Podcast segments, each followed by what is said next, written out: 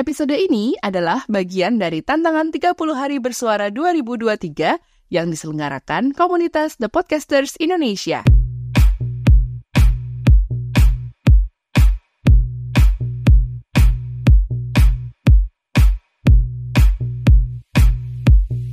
Hai ibu-ibu, Assalamualaikum warahmatullahi wabarakatuh. Wow, makin mendekati liburan panjang akhir tahun ya. Mudah-mudahan kita bisa selalu sehat dan bisa menikmati hari pergantian tahun nanti sekaligus memasuki tahun yang baru nanti. Amin, amin, amin ya robbal alamin. Anyway, Bu Ibu, di tahun yang baru nanti, apa sih yang Bu Ibu harapkan? Yang Ibu dambakan untuk diwujudkan gitu? Kira-kira kalau aku tanya, apakah Bu Ibu juga melayangkan doa kepada Tuhan untuk diberi keutuhan pernikahan yang dihiasi kerukunan dan keharmonisan? Hmm, jangan sampai yang Ibu masukkan dalam doa Ibu selama ini hanya persoalan materi semata ya. Ya Allah, aku pengen bisa beli rumah tahun depan. Ya Allah, aku pengen bisa punya mobil tahun depan. Ya Tuhan, aku ingin menghadiahkan motor untuk anakku kuliah. Ya, permohonan doa seperti itu tuh gak apa-apa, gak salah juga kok. Semua berhak berdoa apa pun, ya. Tapi, seberapa sering sih ibu berdoa agar cintanya suami tetap sama dan justru makin bertambah pada ibu? Seberapa sering ibu berdoa agar rumah tangga ibu selalu harmonis, adem ayem, dan langgeng? Mungkin saat aku ngomong ini, ibu-ibu malah baru inget ya. Oh iya ya, oh iya ya, gitu. Gak apa-apa, gak apa-apa bu. Mudah-mudahan habis ini, bu ibu jadi banyak-banyak berdoa untuk kelanggengan rumah tangga ibu, ya. Karena doa yang kita panjatkan tanpa henti bisa jadi satu faktor keutuhan pernikahan kita juga loh. Ketika kita udah selalu berusaha menghidupkan cinta antara istri dan suami, mewangikan harum keharmonisan keluarga, dan juga bahu-membahu bersinergi dengan suami demi keluarga sakinah mawadah warohmah, sudah kita lakukan semuanya dengan tetes keringat dan juga air mata. Sometimes what we need to do is to pray. Karena kuasa itu kan semuanya di tangan Tuhan. Ya nggak? Tapi Tuhan juga nggak akan menutup mata melihat usaha kita dan nggak akan menutup telinga untuk dengar doa-doa kita. Tapi kira-kira sinergi apa yang udah ibu lakukan demi keutuhan rumah tangga bersama sang suami? Bu Ibu punya kunciannya nggak Bu? Boleh di-share di podcast ini ya. Aku Ibu Inung akan bersamamu di segala sibuk aktivitasmu Bu. Tentu saja dalam podcast Bu Ibu. Podcast Bu Ibu. Podcast Bu Ibu by Ibu Inung. Podcast Bu Ibu by Ibu Inung.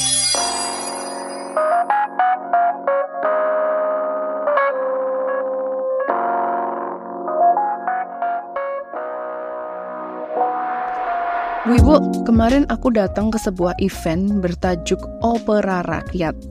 Nah, event Opera Rakyat ini adalah sebuah event yang dipersembahkan untuk masyarakat dengan konten berupa penayangan beberapa film pendek karya sinias lokal di wilayah Barling Mas Cakep, yaitu Banjarnegara, Purbalingga, Banyumas, Cilacap, dan Kebumen. Film-filmnya itu durasinya pendek-pendek, tapi cerita film itu masing-masing bisa menggambarkan realita kehidupan orang-orang yang tinggal di dalamnya. Uh, kebanyakan filmnya sih dokumenter, semi dokumenter gitu ya dengan berbagai cara penuturan yang apik gitu menurutku. Bahkan ada film sejarah lokal Banyumas yang dibuat dengan animasi. Narasi ceritanya pun sangat lugas dan sangat mudah dipahami gitu. Ada beberapa film pendek yang mengajak kita itu berpikir dan merenung tentang kehidupan ini. Dan ada juga yang membuat takjub dengan angle point of view dan performance film ini. Aku sendiri ikut seneng ya, aku ikut bangga gitu bahwa ternyata anak-anak muda Gen Z ini bisa sebegitu kreatif merangkai cerita dan menjahitnya jadi film yang bisa dinikmati juga gitu loh. Dan buatku sendiri, sinergi orang-orang kreatif ini patut diacungi jempol gitu ya, nggak cuma dua, empat sekaligus kalau perlu sama jempol kaki. Karena membuat film sendiri aja udah pasti nggak mudah ya. Walaupun pendek durasinya gitu, apalagi mau berbagi layar dengan sineas lain. Itu artinya mereka itu mau berbagi penonton dan siap dibanding-bandingkan antara karya satu dengan yang lain. Tapi mereka itu rela mengesampingkan ego untuk bisa bersama-sama uh, membuat persembahan bagi masyarakat gitu loh. Mereka itu rela bahu membahu dan dengan sukacita mempertunjukkan bahwa ini nih karya bersama gitu. Dan mereka itu pun juga bangga bahwa meskipun bukan film komersial dan nggak didistribusikan oleh distributor film besar, setidaknya tujuan mereka itu tercapai, yaitu bisa menuangkan ide kreatif dan filosofis mereka dalam karya, bisa mempublish karya itu dengan bangga dan bisa menunjukkan bahwa ada karya yang gak kalah keren loh dari film-film major di Indonesia gitu dan bisa mengajak orang lain juga untuk nantinya bisa bikin film-film menarik lainnya. Nah, menurutku ini adalah salah satu contoh sinergi yang baik yang tentunya juga aku yakin banget butuh proses yang nggak singkat gitu. Tapi karena proses sinergitas itu dinikmati oleh semua pihak dan dengan tekun terus diusahakan, maka akhirnya kan bisa terwujud gitu loh tujuannya. Nah, hal ini juga, Bu, harus kita lakukan dalam rangka mewujudkan cita-cita keluarga sakinah mawadah warohmah. Kalau misalnya kita nggak bersinergi dengan suami, Ya, lalu dengan siapa lagi? Bu Ibu, siapa sih yang gak pengen punya pernikahan yang seperti selalu disebutkan dalam dongeng dengan narasi and they live happily ever after? Semua orang pasti selalu punya harapan itu, ya enggak? Apalagi kalau kita itu sudah berada dalam ikatan perkawinan. Pastinya yang kita harapkan adalah selalu punya perkawinan yang bahagia, pernikahan yang harmonis, yang awet, langgeng, rukun, sakinah, mawadah, warohmah, ya kan? Dan untuk mencapai semua itu, tentunya tidak semudah dan segampang yang diceritakan dalam dongeng-dongeng. Wong dongeng-dongeng itu hanya diceritain sampai menikah aja kok, sampai weddingnya doang. Mana ada cerita mereka pasca menikah, pasca wedding gitu? Nggak ada kan? Nggak ada kan? Snow White, abis dicium sama Prince Charming, lalu bangun, lalu menikah. Lalu narasinya, and they lived happily ever after. Terus ada Princess Aurora, si Sleeping Beauty. Itu juga sama aja. Cinderella juga abis disia-siain, dianggap pembantu sama ibu tirinya, eh ditolong pangeran akhirnya nikah. And they live happily ever after. Gitu lagi. Belle akhirnya married juga sama pangeran singa. And they live happily ever after. Dah, semua dongengnya itu cuma sampai di situ. Nggak ada kan cerita mereka tuh pasca wedding tuh ngapain? Nggak kan? Ya, itu kan durasi Bu Inong, durasi, durasi. Nah, itu dia. Realitanya, durasi kita itu beda dengan yang didongeng. Durasi pernikahan kita itu lama. Semua orang pasti pengen durasi perkawinannya lama kan? Maksudnya umurnya gitu loh. Durasi kehidupan berumah tangga itu lama Makanya disebut ibadah seumur hidup. Princess-princess itu nggak diceritain kehidupan setelah menikah. Nggak diceritain ada bayar tagihan dekorasi, nggak diceritain bayar sisa tagihan catering yang kurang 20%, nggak diceritain hamil tapi tiap hari we we we terus gitu, nggak diceritain bagi-bagi tugas sama suami nyebokin bocah abis pup. Nggak ada kan?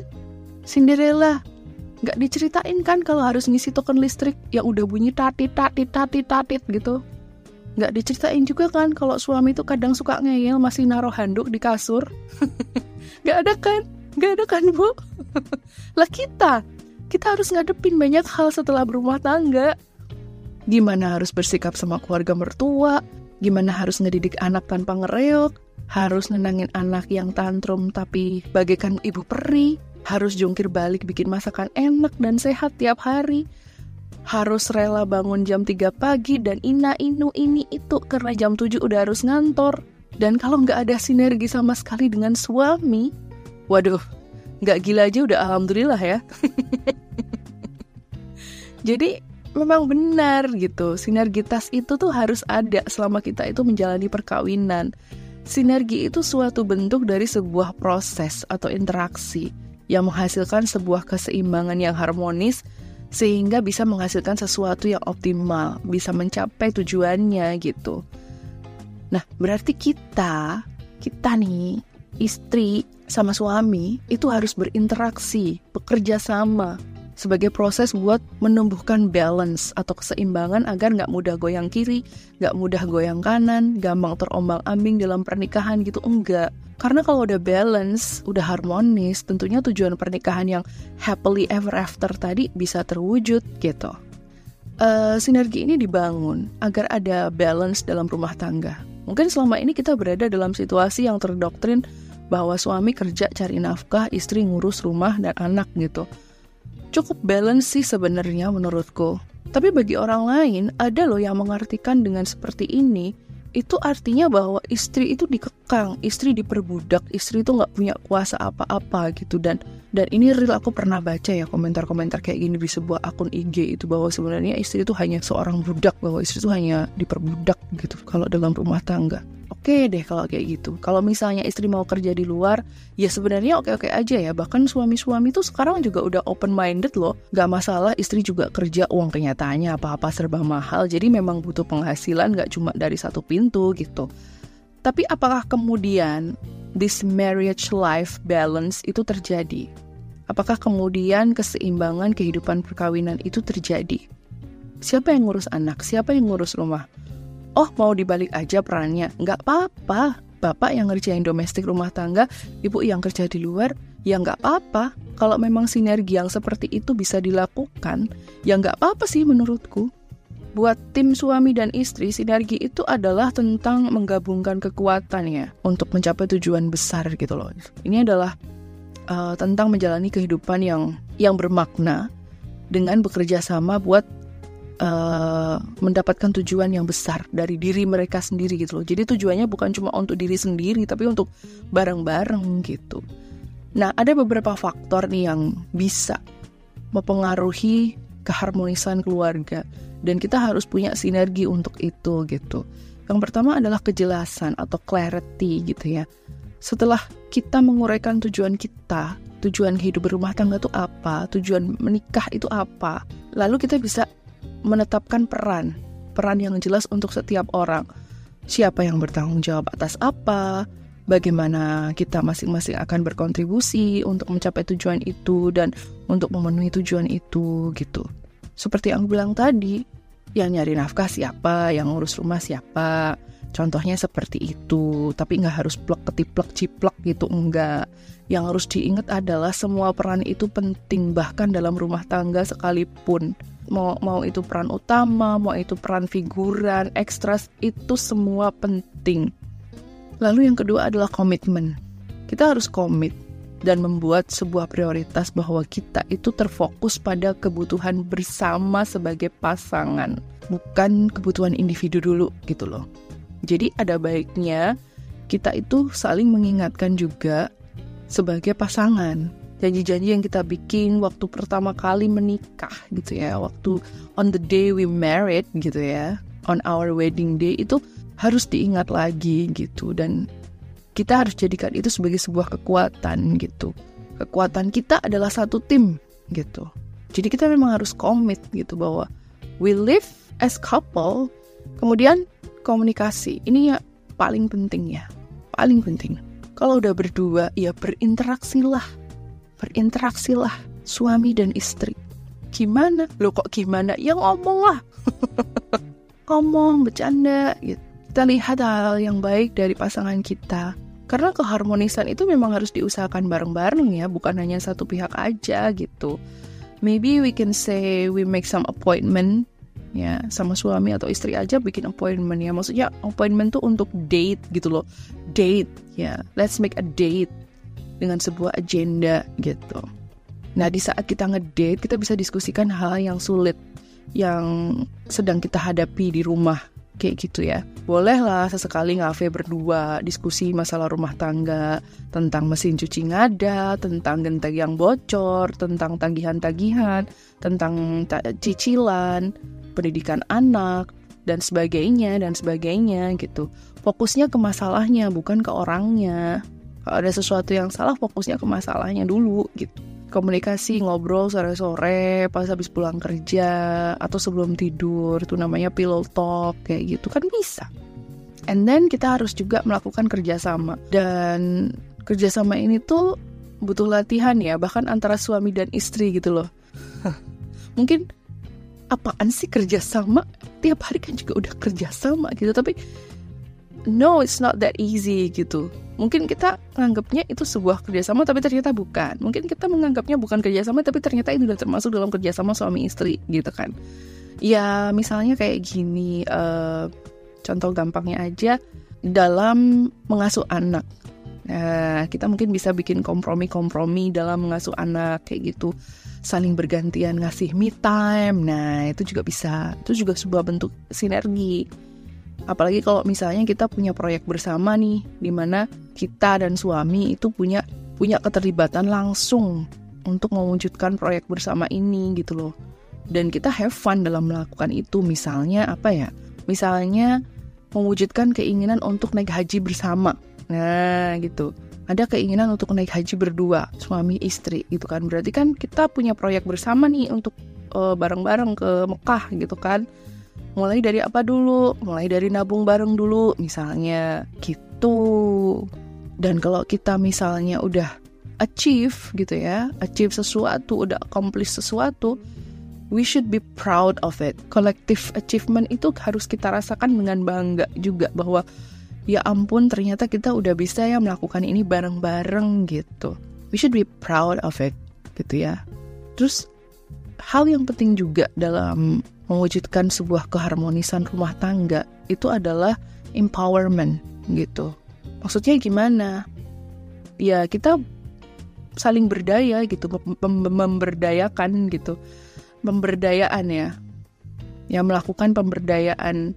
Misalnya gini, uh, kita kasih dorongan lah atau misalnya support gitu kita kasih support supaya pasangan kita itu bisa lebih memaksimalkan kemampuannya atau keterampilannya atau bakatnya dengan lebih baik di depan orang lain misalnya. Nah ini nih yang kadang sering dilupakan oleh suami.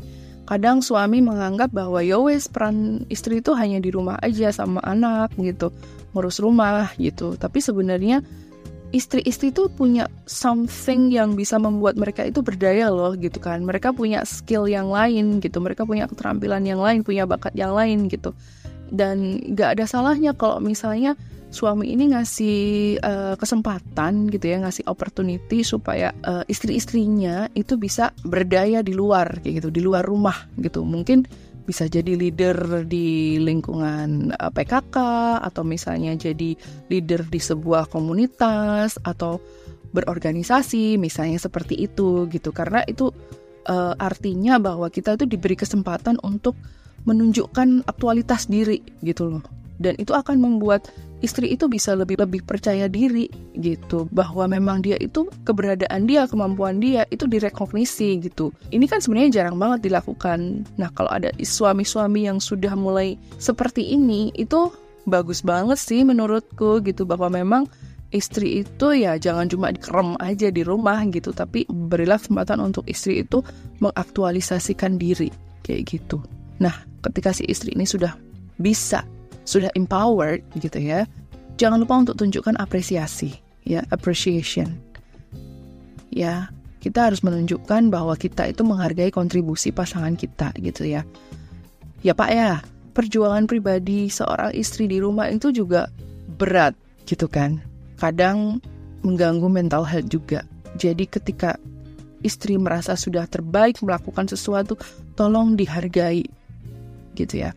Tolong dihargai gitu. Nggak cuman diakui saja, tapi hargai uh, harga itu dalam artian paling gampang adalah tidak melecehkan, istilahnya seperti itu, tidak merendahkan.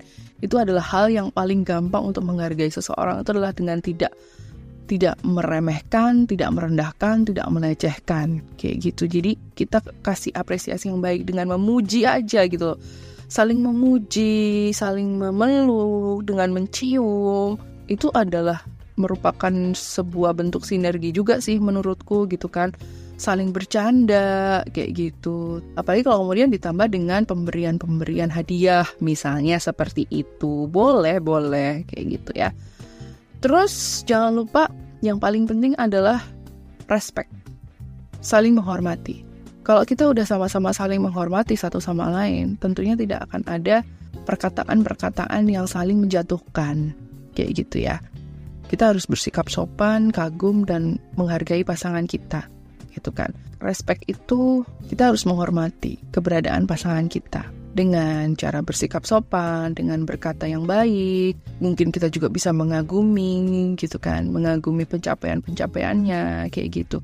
Ini harus timbal balik, bukan hanya dari istri ke suami, tapi juga suami ke istri. Nah, ini yang yang PR banget sebenarnya kalau aku lihat dari banyaknya suami-suami gitu ya respectnya ke istri tuh kadang masih kurang gitu loh bahwa menganggap bahwa karena gue ini adalah yang nyari duit ya lo harus ngalah istilahnya kayak gitu gitu loh kan. It's all about my authority gitu and you don't need to say anything gitu. Nah itu tuh nggak bener itu nggak bener pak. Itu nggak bener itu nggak bener. Jadi respect itu adalah intinya ya anda menghormati gitu loh bahwa istri anda ini adalah seseorang yang juga berjuang bareng sama Anda.